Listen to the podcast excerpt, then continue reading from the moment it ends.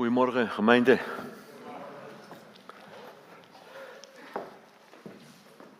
Het is altijd goed om op zondagmorgen bij elkaar te zijn. Broers en zussen te ontmoeten, gemeente te zijn. En uh, ik hoop dat u zich daar ook op heeft verheugd deze morgen. Toen u uit uw bed kwam. Jippie. We gaan weer naar de gemeente toe. Ja, amen. Nou, er is in ieder geval één die dat zei vanmorgen. Ja. Mensen, wat, uh, ja, wat gebeurt er allemaal hè, in ons leven? De laatste keer dat ik hier was was september. Uh, ik noem dat dan maar eventjes voor degenen die, die dat nog weten. Toen heb ik ook verteld dat onze jongste schoonzoon uh, een hersentumor had. En hij is twee maanden geleden naar de Heer gegaan. Ja, hij is overleden. En nou ja, in aansluiting ook op de berichten van vanmorgen moest ik denken van... ja, eigenlijk is dat onze toekomst, hè? Bij de Heer Jezus zijn. En we gaan hem ontmoeten. En we zijn ook heel dankbaar dat we de zekerheid mogen hebben dat onze uh, schoonzoon bij de Heer is. Uh, hij, hij leefde met de Heer. En hij, uh, hij zei tegen zijn vrouw, en dat vond ik zo mooi, tegen onze dochter, in, in zijn ziekte, hij is ongeveer een jaar ziek geweest. Hij zei tegen zijn vrouw, um, ik ga naar de Heer, maar kan nooit lang meer duren of jij bent er ook. Want hij verwachtte de wederkomst van de Heer Jezus. Nou, en uh, ik hoop dat u dat ook doet. En of dat nou door de opname van de gemeente is of door de dood heen. We weten dat de dood ons niet vast kan houden. En dat we de Heer Jezus gaan ontmoeten. Als onze dag daar is dat we bij hem mogen komen. Goed, nou, vanmorgen. Gods woord is de waarheid. Dat was al een mooi moment om even amen te zeggen, maar. Eh, Gods woord is de waarheid. Ja. En uh, ik, als we over Gods woord gaan spreken, dan, uh, ja, dan, dan, dan, dan, kunnen we daar wel over bezig blijven. Dus met andere woorden, hou uw pepermuntjes bij de hand. Er zijn een aantal eigenschappen die Gods woord zelf toedicht aan dat woord. En vanmorgen wil ik eigenlijk stilstaan bij één eigenschap. Gods woord is de waarheid. Maar eerst, voordat we twee teksten gaan lezen, nog even nog een paar andere eigenschappen van dat prachtige woord van God. Mensen, want ik, ik hoop dat u ook beseft dat God een enorme schat heeft gegeven aan ons in dat woord. Wat een rijkdom is dat toch, dat woord. En, en dat woord, dat is een bijzonder woord. Dat woord dat overstijgt elk ander boek. Op alle gebied. Want het is het woord van onze schepper. Het is het woord van de levende God. Hij die alles gemaakt heeft. Van wie we, zoals we vanmorgen ook hoorden, onze hulp verwachten. Hij die alles gemaakt heeft. En hij heeft zichzelf geopenbaard in dat boek.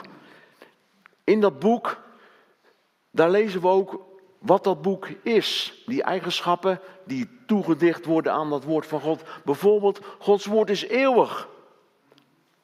Een eeuwig woord. De Bijbel zegt het zo: het gras verdort, de bloem valt af, maar het woord van de Heer houdt eeuwig stand. Amen. Dus het is een eeuwig woord. Dat betekent, het is geldig van eeuwigheid tot eeuwigheid. Nou, wij zitten daartussen in de tijd. En ook dan is dat woord geldig en houdt dat woord stand. De kwaliteit van het woord, wat zegt de Bijbel daarover? Het is een zuiver woord, het is een puur woord. De woorden van de Heer zijn zuivere woorden, gedegen zilver, in, in een smelt overgelouterd. Prachtig. Het woord is een puur woord dus, zonder smet of zonder fout. Wat is de werking van dat woord? Nou, een van de werkingen is dat dat woord ook licht verspreidt. De Bijbel zegt dat als we de woorden van God openen, en ik geloof dat de Bijbel daarmee bedoelt, als we die woorden bestuderen, ja, dan open je dat woord, dan zegt de Bijbel, dan verspreidt dat woord licht. Nou mensen, hoe vaak hebben we dat niet nodig, dat, dat, we licht nodig hebben in ons leven? Ja. Het woord getuigt ook van de Heer Jezus. Dat zegt de Heer Jezus zelf. Als hij in gesprek is met de schriftgeleerden, de fariseeën, dan zegt hij, jullie onderzoeken de schriften, want jullie menen daar een eeuwig leven te hebben, te vinden. En deze zijn het, de schriften, dus dat woord van God, die getuigen van mij, zegt de Heer Jezus. Dus dat is het onderwerp van het woord van God. En dan vanmorgen wil ik eigenlijk eens stilstaan bij het exclusieve van Gods woord. Want als we zeggen Gods woord is de waarheid, dan bedoelen we daarmee dat Gods woord exclusief is. Dat betekent, als, dat woord dat gaat over de werkelijkheid. En als we zeggen Gods woord is de waarheid, dan zetten we dat boek van God boven alles wat geschreven is. Dan maken we dat boek exclusief. Het sluit eigenlijk alle andere woorden uit. Als we zeggen Gods woord is de waarheid. En dan heb ik het over menselijke woorden natuurlijk. Het, het geeft ook, Gods woord is de waarheid, geeft ook aan wat de aard van God is. Nou, wat bedoel je daarmee, Frans? Nou, de Heer Jezus die zegt, ook weer tegen de schriftgeleerden en, en de fariseeën, ja, dat zijn harde woorden. Jullie, jullie hebben de duivel tot vader, zegt hij op een gegeven moment. In welke context zegt hij dat? Zegt hij dan, de duivel is een leugenaar, een mensenmoordenaar van de beginnen aan. Als hij spreekt, dan spreekt hij naar zijn aard, zegt de Heer Jezus over Satan. Dus de duivel liegt altijd. Nou, tegenover de waarheid staat leugen. En als de Heer Jezus zegt dat de duivel leugen spreekt naar zijn aard, dan mogen we constateren dat als we het hebben over Gods woord, wat de waarheid is, dat dat ook de aard van God weerspiegelt. God kan niet anders dan waarheid spreken.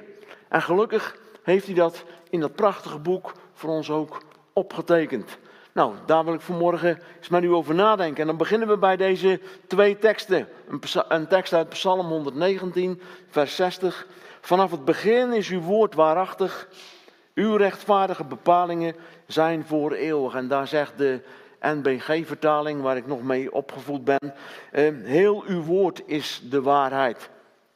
En dan een tekst uit het Johannes-evangelie, het hoge priesterlijk gebed waar de Heer Jezus voor zijn discipelen bidt. En uiteindelijk als we dat gebed lezen, dan mogen we daaruit halen dat de Heer Jezus ook voor ons bad in dat gebed. En dan zegt de Heer Jezus daar die prachtige woorden. Vader, heilig hen door uw waarheid. Uw woord is de waarheid. Ja, wat betekent dat woord waarheid nou eigenlijk? Eh, zowel in het Hebreeuws als, als in, het, in het Grieks heeft het eigenlijk de, dezelfde betekenis. Heel veel overlap. En dan mogen we denken aan vastigheid. Dan mogen we denken aan trouw, waar, zekerheid, feitelijkheid, duurzaamheid ook, betrouwbaarheid. En, en, als, als je dat samenvat, dan bedoelt de Bijbel daarmee de ware leer. De ware leer. Dus Gods woord is de waarheid, echtheid. Ja, waarheid kennen we ook wel in ons dagelijks spraakgebruik. We hebben een aantal spreekwoorden die uh, dat woordje waarheid bevatten. Ik denk dat u er ook wel één kan verzinnen, denk ik. Ik heb er een paar hier in mijn Bijbeltje geplakt om die toch even te noemen. Sommige zijn toch wel heel, op, heel, heel, heel treffend ook als, als je dat bekijkt uh, met het oog op Gods woord, wat de waarheid is. Want de waarheid kan geen herberg vinden.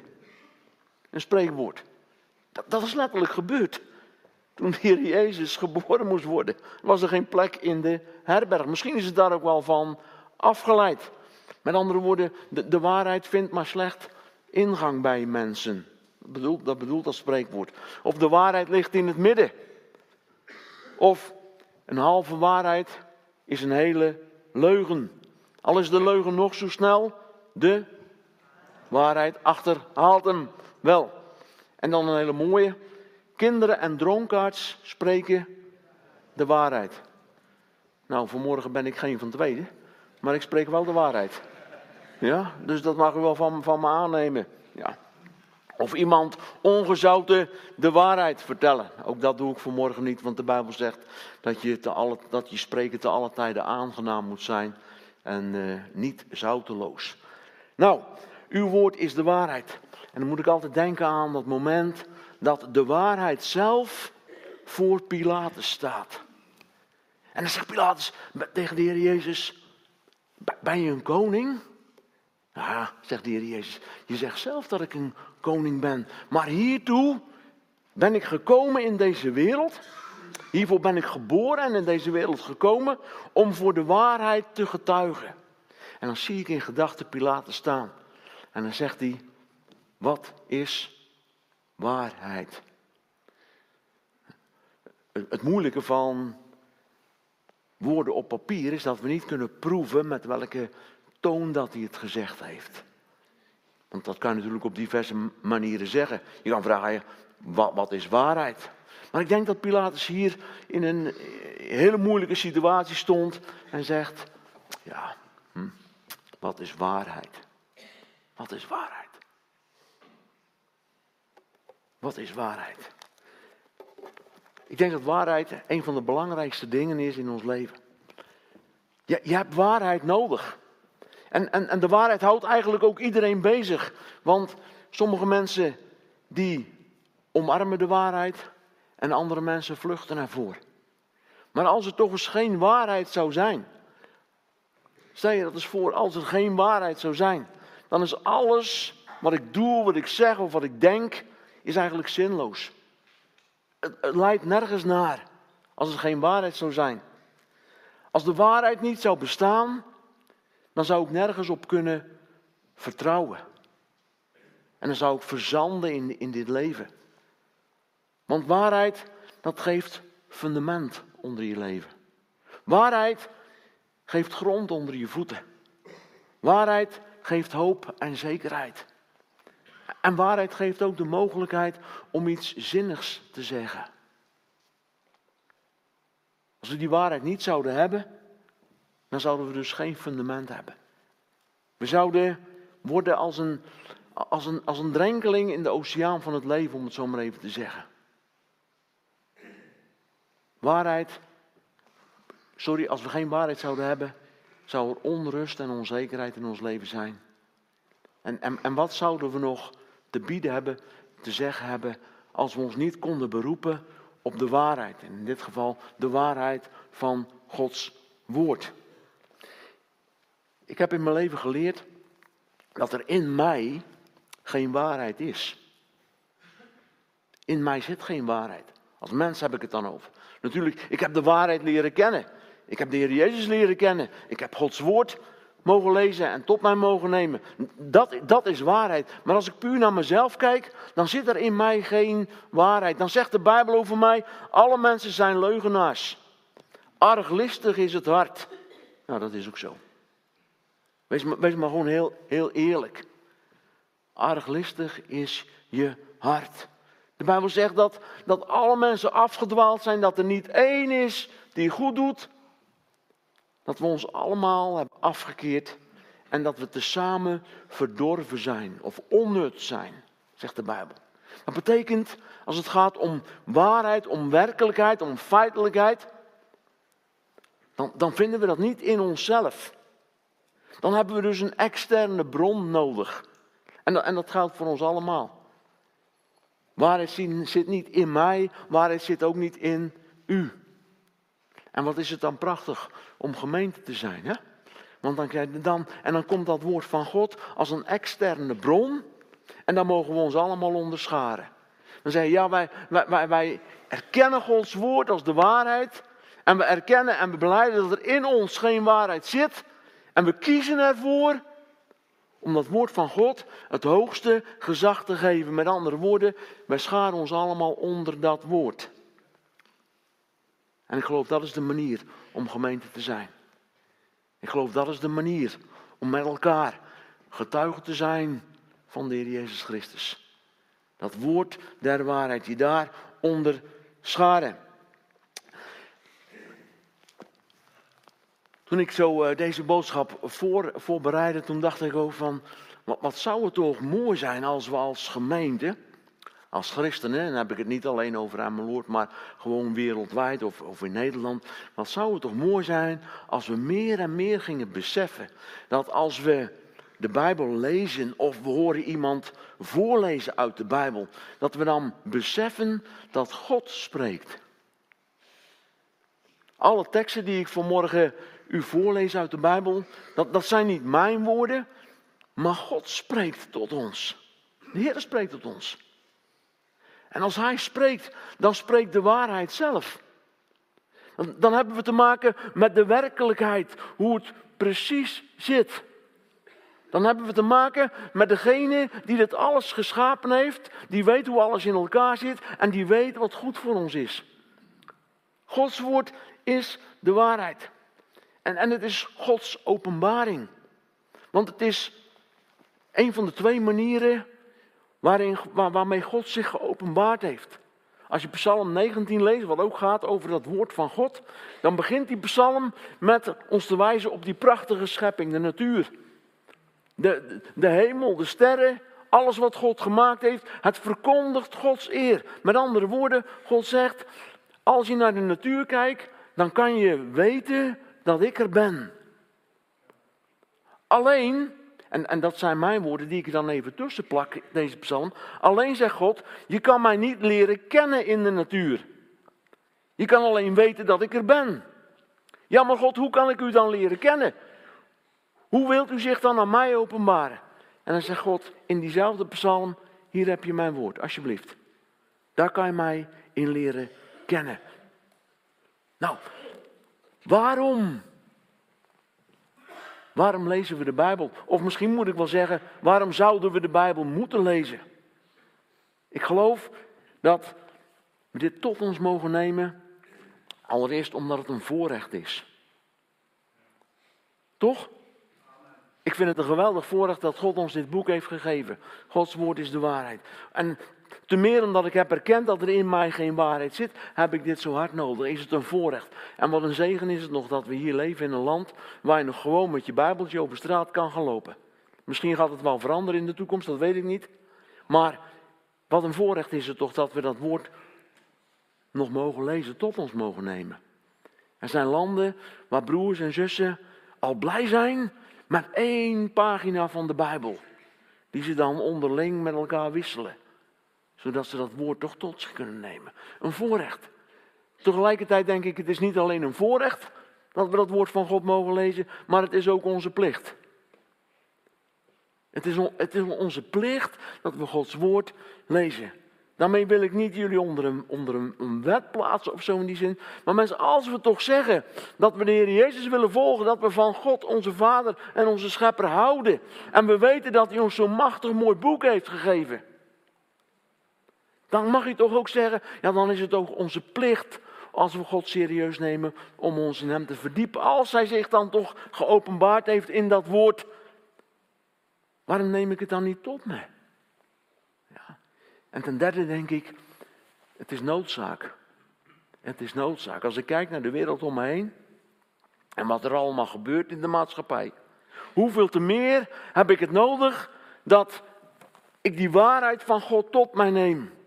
Om te kunnen blijven staan op het fundament wat er in uw leven gelegd is en dat is Jezus Christus.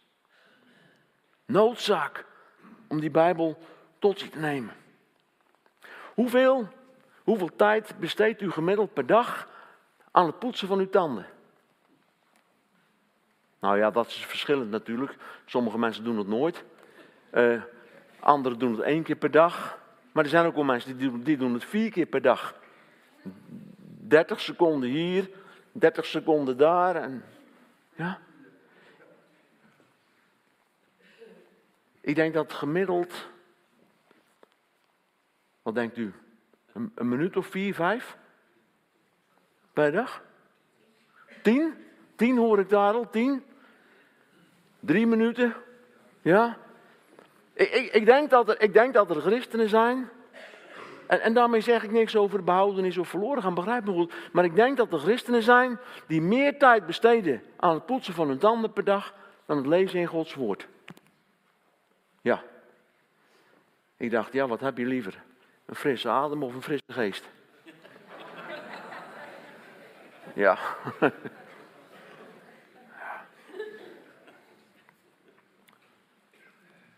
Maar hoe gaan we met dat woord om? Als ik de Bijbel lees, dan, dan en, met name David, Psalm 119, waar we dadelijk ook nog een paar teksten uit, gaan lezen. Maar daar, zegt, daar zegt David, uw woord is geheel gelouterd, uw knecht heeft het lief. Toen dacht ik, wat is dat mooi, hè? Dat David daar in, in zijn hart laat kijken hoe dat hij tegenover dat woord van God staat. En ik moet jullie eerlijk zeggen, mensen, en dat is niet om mezelf een, een schouderklopje te geven, maar af en toe dan heb ik dat gewoon nodig om, om ook mijn liefde te laten zien aan de Heer Jezus, dan pak ik die Bijbel en dan klem ik hem aan mijn hart. En dan zeg ik, Heer, ik hou van uw woord. Ik heb het lief, Heer. Ik heb het lief. Dat is ook wat David zegt. Heer, ik heb uw woord van harte lief. En de vraag is dan aan ons van, omarmen wij het? Omarmt u het woord van God? Ja. Ik verblijd mij in diezelfde psalm over uw woord als iemand die rijke buit vindt. Ben je nog blij over het woord van God? Kan je er nog over verheugen? Over het woord van God? Iemand die rijke buit vindt. En, en, en Jeremia, die, die zegt het zo, zo vaak als uw woorden werden gevonden, met andere woorden, zo vaak als ik uw woord las en dat tegenkwam in mijn leven, at ik uw woorden op en was het mij tot vreugde en blijdschap van mijn hart. Halleluja. Het woord van God gegeven ook, niet alleen om Gods waarheid te leren kennen, niet alleen als een Godsopenbaring, maar ook tot vreugde mensen. En hoe meer ik dat woord lees, hoe meer vreugde het me gaat geven. Ja. Hoe lief heb ik uw wet, zegt David. Zij is mijn overdenking de ganse dag. Overdenkt u Gods woord nog wel eens? Of, is de dag zo gevuld met van alles en nog wat, dat daar geen ruimte meer voor is? Overpijnst u het nog wel eens? Beseffen we nog dat, en dan moet ik altijd denken aan die geschiedenis dat de Heer Jezus in Johannes 6, dat, dat heel veel van zijn discipelen hem verlaten. En dat de Heer Jezus uiteindelijk tegen zijn twaalf discipelen, die dan nog over zijn, zegt van, willen jullie ook, willen jullie ook niet weggaan?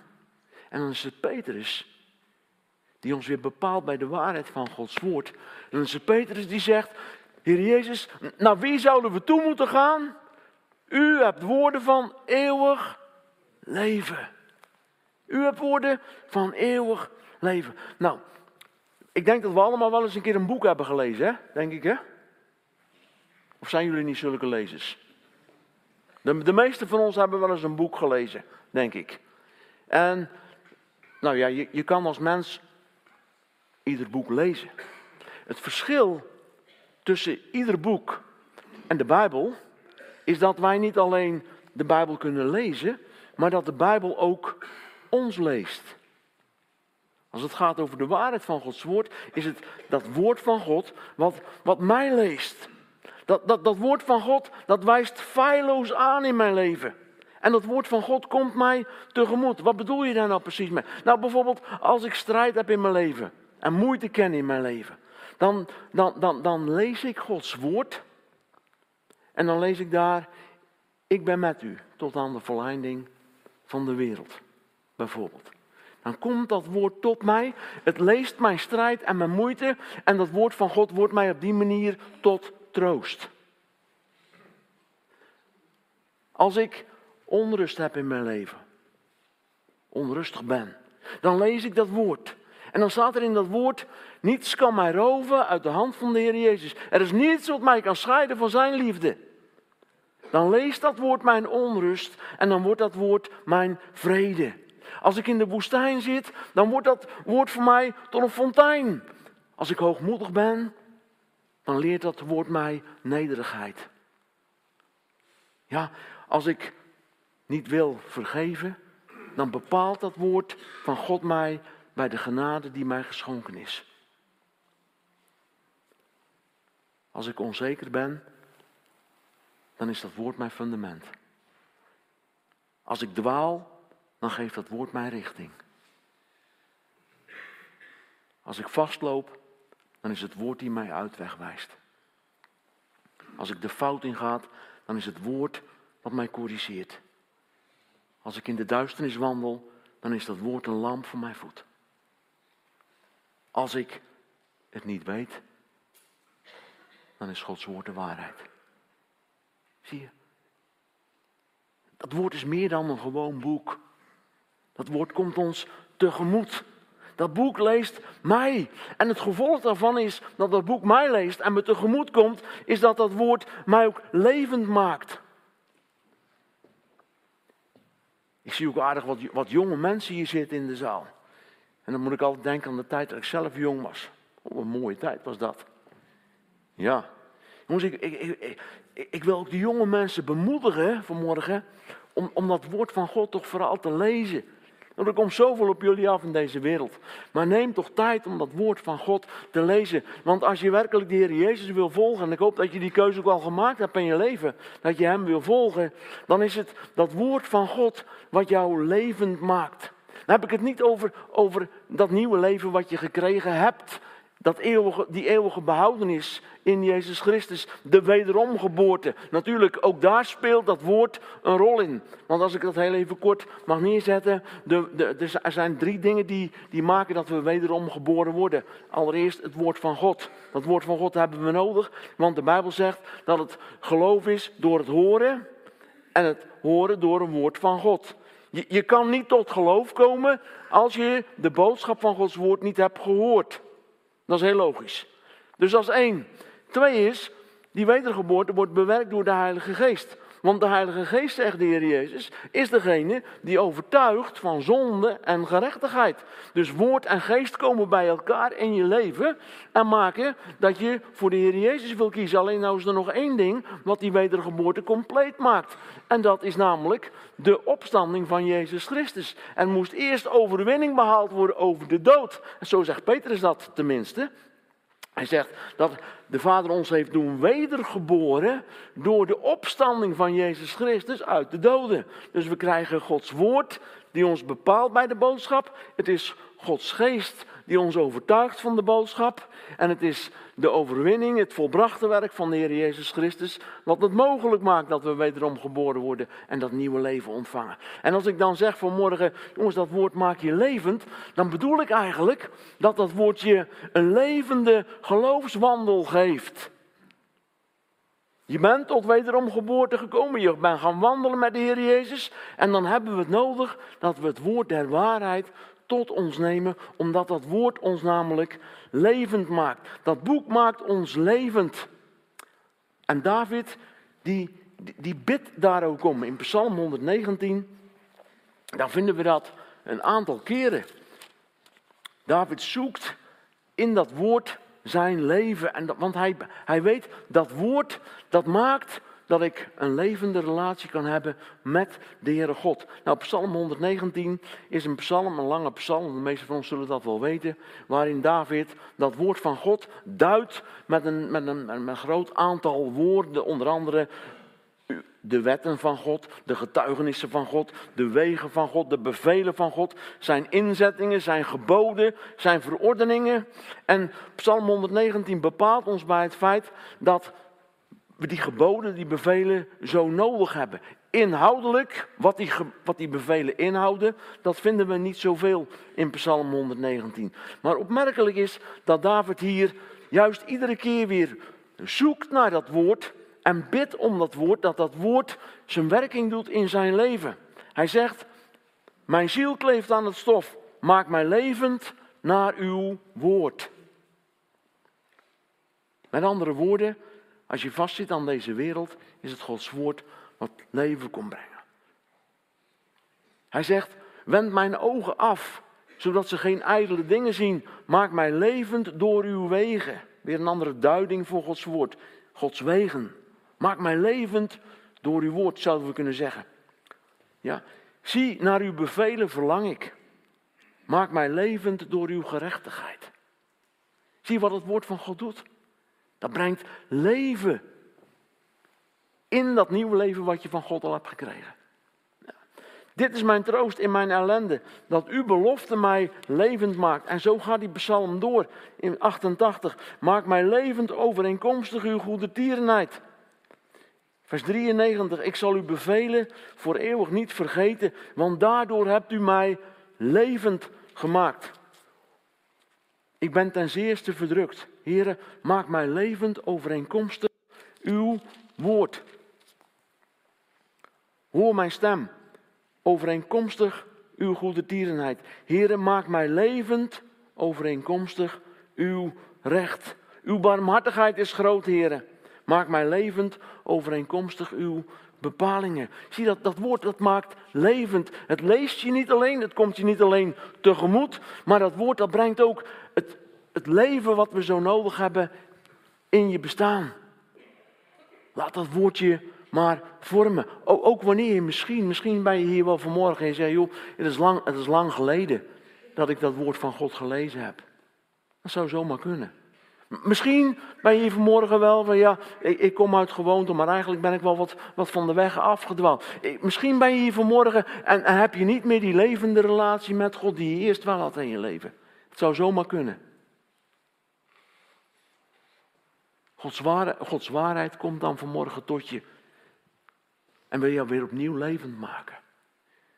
Omdat je weer gaat genieten van de relatie die je met de Heer Jezus mag hebben.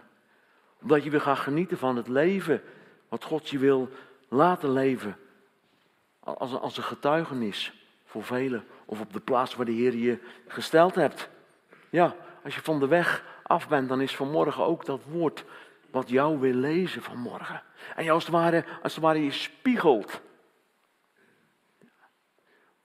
En tegelijkertijd, dat gezegd hebbende, ben je dan ook aan zet. Ben je ook aan de beurt om daarop te antwoorden. Laten we even naar, naar twee voorbeelden kijken in de Bijbel. Dan neem ik jullie eerst mee naar Deuteronomium 17. En, en daar is de Heere God die in zijn woord bekend maakt wat, wat, wat een belangrijke taak of eigenlijk een, een, een voorwaarde was van een koning. Op dat moment had het volk nog geen koning, maar er wordt wel gezegd, als er straks een koning komt, eh, dan staat er in, in hoofdstuk 17, vers 19, dat zal hij bij zich hebben. En dat slaat dan op een afschrift van Gods woord, een afschrift van Gods wet. Met andere woorden, een kopie van de Torah. Die moest de koning bij zich hebben. En daarin lezen gedurende heel zijn leven om te leren de Heere zijn God te vrezen. Dat betekent ontzag hebben, hem vereren. Door al de woorden van deze wet en al deze inzettingen naastig te onderhouden. Opdat, dat dus, heeft dus een doel, opdat zijn hart zich niet verheffen boven zijn broeders en hij van het gebod niet afwijken naar rechts of naar links, opdat hij lange tijd koning mogen blijven, hij zelf en zijn zonen te midden van Israël. Zo waren er in Israël twee koningen later. De eerste koning die ik even als voorbeeld wil nemen is koning Joachim. En, en het was een tijd dat het woord van God eigenlijk verdwenen was. Ja, wij zeggen dan, de Bijbel ligt in de kast onder een dikke laag stof. Nou, een beetje dat idee. En op een gegeven moment wordt dat woord van God, in dit geval de brief van Jeremia, die wordt weer boven tafel gehaald en voorgelezen. En dan is er een koning en hij heet Joachim. En dan staat er in Jeremia 36, terwijl de koning in zijn winterpaleis was. En dan wordt er gesproken over een brandend kolenbekken. Met andere woorden, hij zit bij het vuur, hij zit zich te warmen. En dan gebeurt het dat de voorlezer, en die heet Jehudi, eh, die brief van Jeremia, Gods woord, voorleest aan de koning. En wat gebeurt er dan? Dan staat er, zodra Jehudi drie of vier kolommen had voorgelezen, dat de koning ze met een schrijversmes afsneed. Dat was een, een, een, boekrol in die tijd. Dan sneed de koning met een schrijversmes die rol af en hij wierp het in het vuur. Het woord van God werd in het vuur geworpen. En dan staat er, zij schrokken niet en zij scheurden hun kleren niet, de koning niet, zijn dienaren niet, niemand die de woorden van God gehoord had. Met andere woorden, er was geen, geen mens op dat moment die na het horen van de woorden van God tot berouw kwam, tot inkeer kwam. Schrijnend. Schrijnend. Want dat woord van God, dat wilde juist leven komen brengen. Dat woord van God wilde gaan spiegelen. Dat woord van God wilde genade, vergeving, richting en, en noem maar op komen brengen. En wat doet de koning?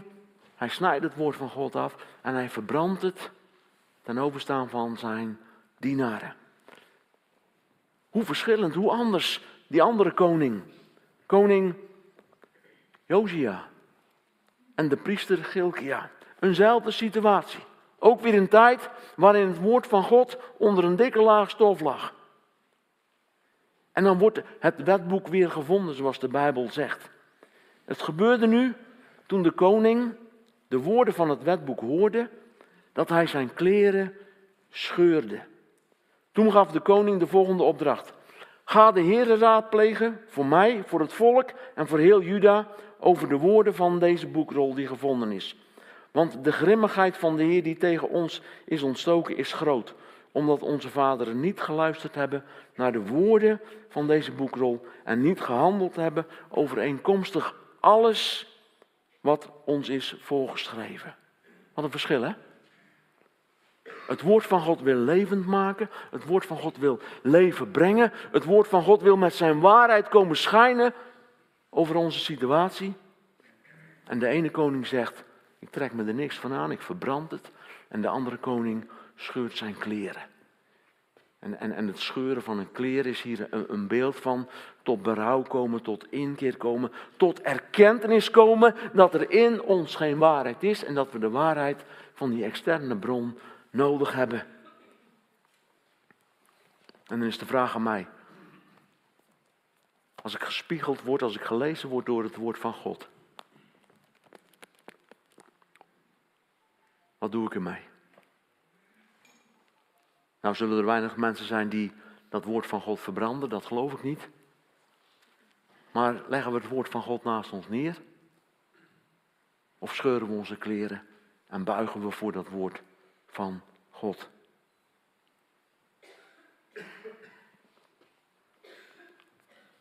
Paulus die. Uh, ik zeg niet dat hij naar deze gebeurtenissen refereert, maar Paulus die geeft ons wel heel praktisch onderwijs over wat dat woord van God wil doen in ons leven. Dat woord van God, wat de waarheid is. Hebreeën 4, vers 12. En, en dit is een tekst eh, uit de MBG-vertaling, want daar, daar, daar komt een woord in voor dat ik zo mooi vertaald vind. Daar staat dan, want het woord van God, het woord Gods is levend en krachtig. Dat betekent ook dat het ook werkzaam is en scherper dan enig tweesnijdend zwaard.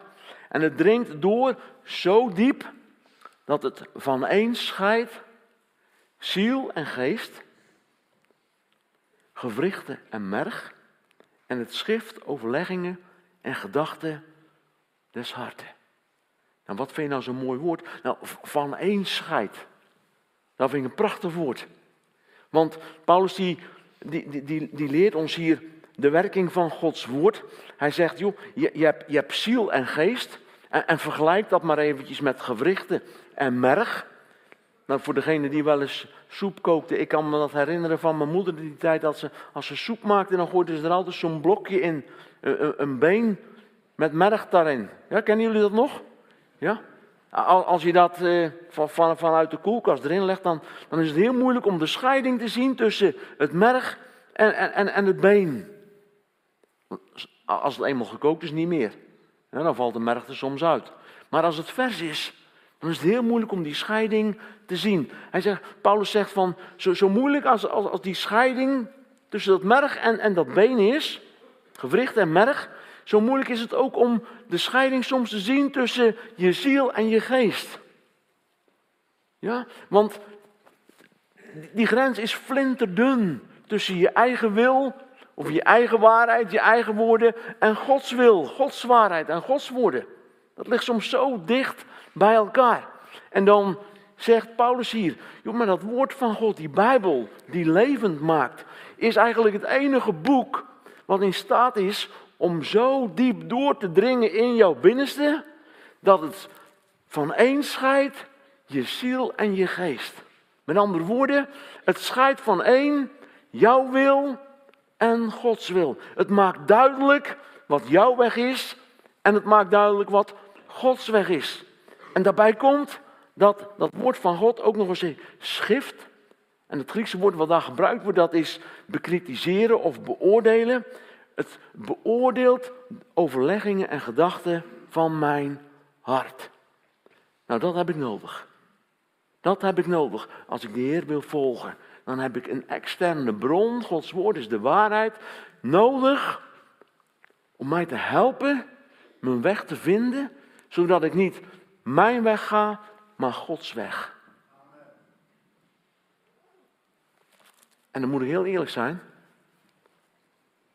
Mijn weg, hoe ik het ziet, is regelmatig anders dan dat God mij voorschrijft.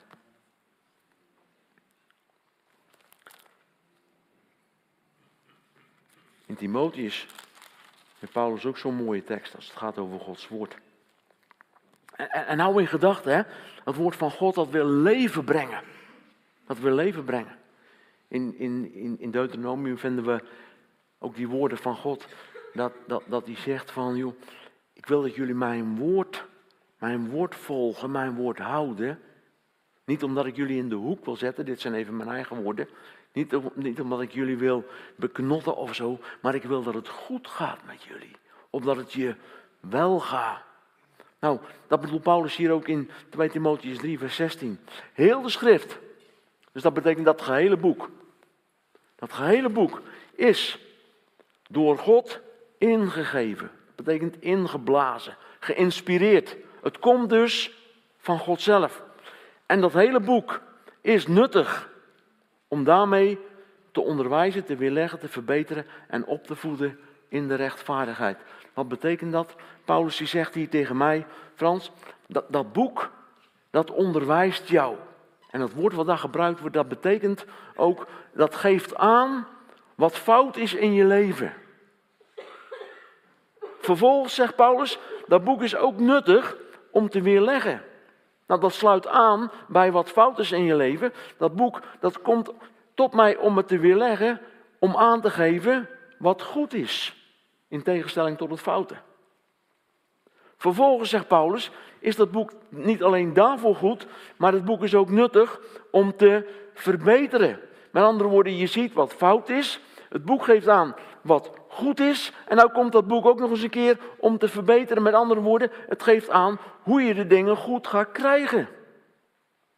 En dan tot slot, dat boek is ook nuttig om op te voeden. Dus niet alleen goed krijgen, maar het ook goed houden.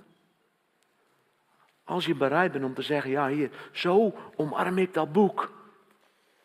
Dan gaat dat boek in je leven werken. En dan ga je zien dat dat boek je gaat helpen om Gods weg te vinden in je leven. Dan ga je zien dat dat boek leven gaat brengen in de relatie tussen jou en God. Wat zegt de Bijbel nog meer over zichzelf? Jesaja 55. Jesaja 55.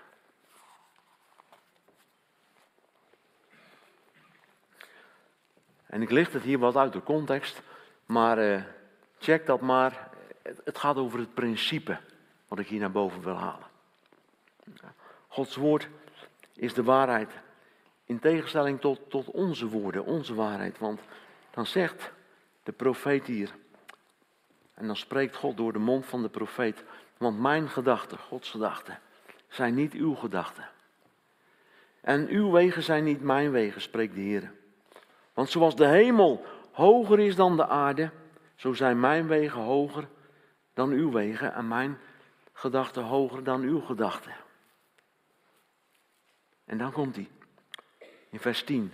Want zoals regen of sneeuw neerdaalt van de hemel en daarheen niet terugkeert, maar de aarde doorvochtigt en maakt dat zij voortbrengt en doet opkomen. Zaad geeft aan de zaaier en brood aan de eter. Zo zal mijn woord zijn op dezelfde wijze. Dus wat de profeet hier doet. Hij zet een, een, een natuurlijk beeld neer. En, en, en God zegt, kijk, dat is, zo werkt mijn woord nou ook. Regen, sneeuw komt van de hemel. Het bevochtigt de aarde, waardoor er vrucht komt op die aarde. En uiteindelijk keert het via een, een biologisch proces weer terug tot mij. Dat, dat, dat beeld gebruikt de profeet hier om aan te geven wat Gods woord doet. En dan zegt de Heer, op dezelfde wijze, Dus kijk goed naar wat er in de natuur gebeurt. Het water daalt neer, brengt vrucht op de aarde en het keert in damp weer terug tot mij. Zo zal mijn woord ook zijn, dus op dezelfde wijze. Het woord dat uit mijn mond uitgaat, het woord wat van hem komt dus. Het zal niet vruchteloos, dat betekent leeg of te vergeefs. Het zal niet vruchteloos tot mij terugkeren, maar het zal doen, het zal maken. Het is mooi, het woord wat daar gebruikt wordt, is een van de drie scheppingswoorden uit Genesis 1 en 2. Het zal maken wat mij behaagt, waar ik vreugde in vind. En drie, het zal voorspoedig zijn in hetgeen waartoe ik het zend. Andere vertaling zegt, het zal volbrengen waartoe ik het zend. Dat wil Gods woord doen. In uw en in mijn leven. Het, het, het wil ons leven vruchtbaar maken. We vrucht dragen voor hem. God laat het woord in ons leven werken. Zodat de werken die wij mogen doen aangenaam zijn in zijn ogen. Hij zal daar vreugde in krijgen. En God zegt, dat woord van God, dat wil ik in jouw leven zenden, opdat het zal volbrengen waartoe ik het zend. Met andere woorden, Gods woord wil openbaar worden in uw en in mijn leven. Tot slot. Toen ik hierover nadacht, moest ik denken, ja, dat woord van God, dat geschreven woord van God. En toen kwamen de gedachten van Johannes, Johannes 1 in mij. In de beginnen was het woord en het woord was bij God en het woord was God. Dan gaat het over de Heer Jezus. Dan gaat het niet over het geschreven woord, maar dan gaat het over het vlees geworden woord. En als de Heer dan zegt, zo zal mijn woord wat uit mijn mond uitgaat, maakte ik een sprongetje naar de Heer Jezus die zegt, ik ben van de Vader uitgegaan. Dan zegt de Heer Jezus zelf in Johannes 16. Ik ben van de Vader uitgegaan. Het vlees geworden woord is ook uitgegaan van de Vader. En de Heer Jezus zegt, ik ben die graankorrel die in de aarde moet vallen en moet sterven. Opdat die graankorrel veel vrucht draagt.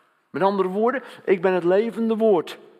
Wat God zendt naar deze aarde om vrucht te dragen. Het zal niet vruchteloos tot mij terugkeren, zegt de Heer in Jezaja. En dan hoor ik de Heer Jezus zeggen, Vader, hier ben ik, om, om uw wil te doen. En dan antwoordt God uit de hemel, dit is mijn zoon, de geliefde, in wie ik mijn welbehagen heb. Jezaja zei, dat woord zal doen wat mij behaagt, waar ik behagen in heb. Daar is het vlees geworden woord. En dan is er nog dat moment daar aan het kruis op Golgotha, waar de Heer Jezus roept. Het is volbracht. Ook het vlees geworden woord is gezonden, opdat het zal volbrengen waartoe God het zendt. Prachtig, hè? Prachtig. Het geschreven woord en het vleeswoord wat uit de mond van God uitgaat.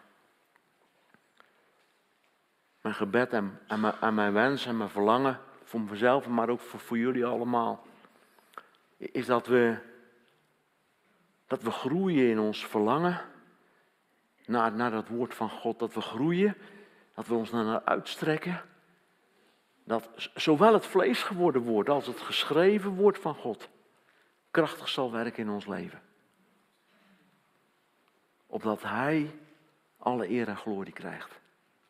Halleluja. Amen.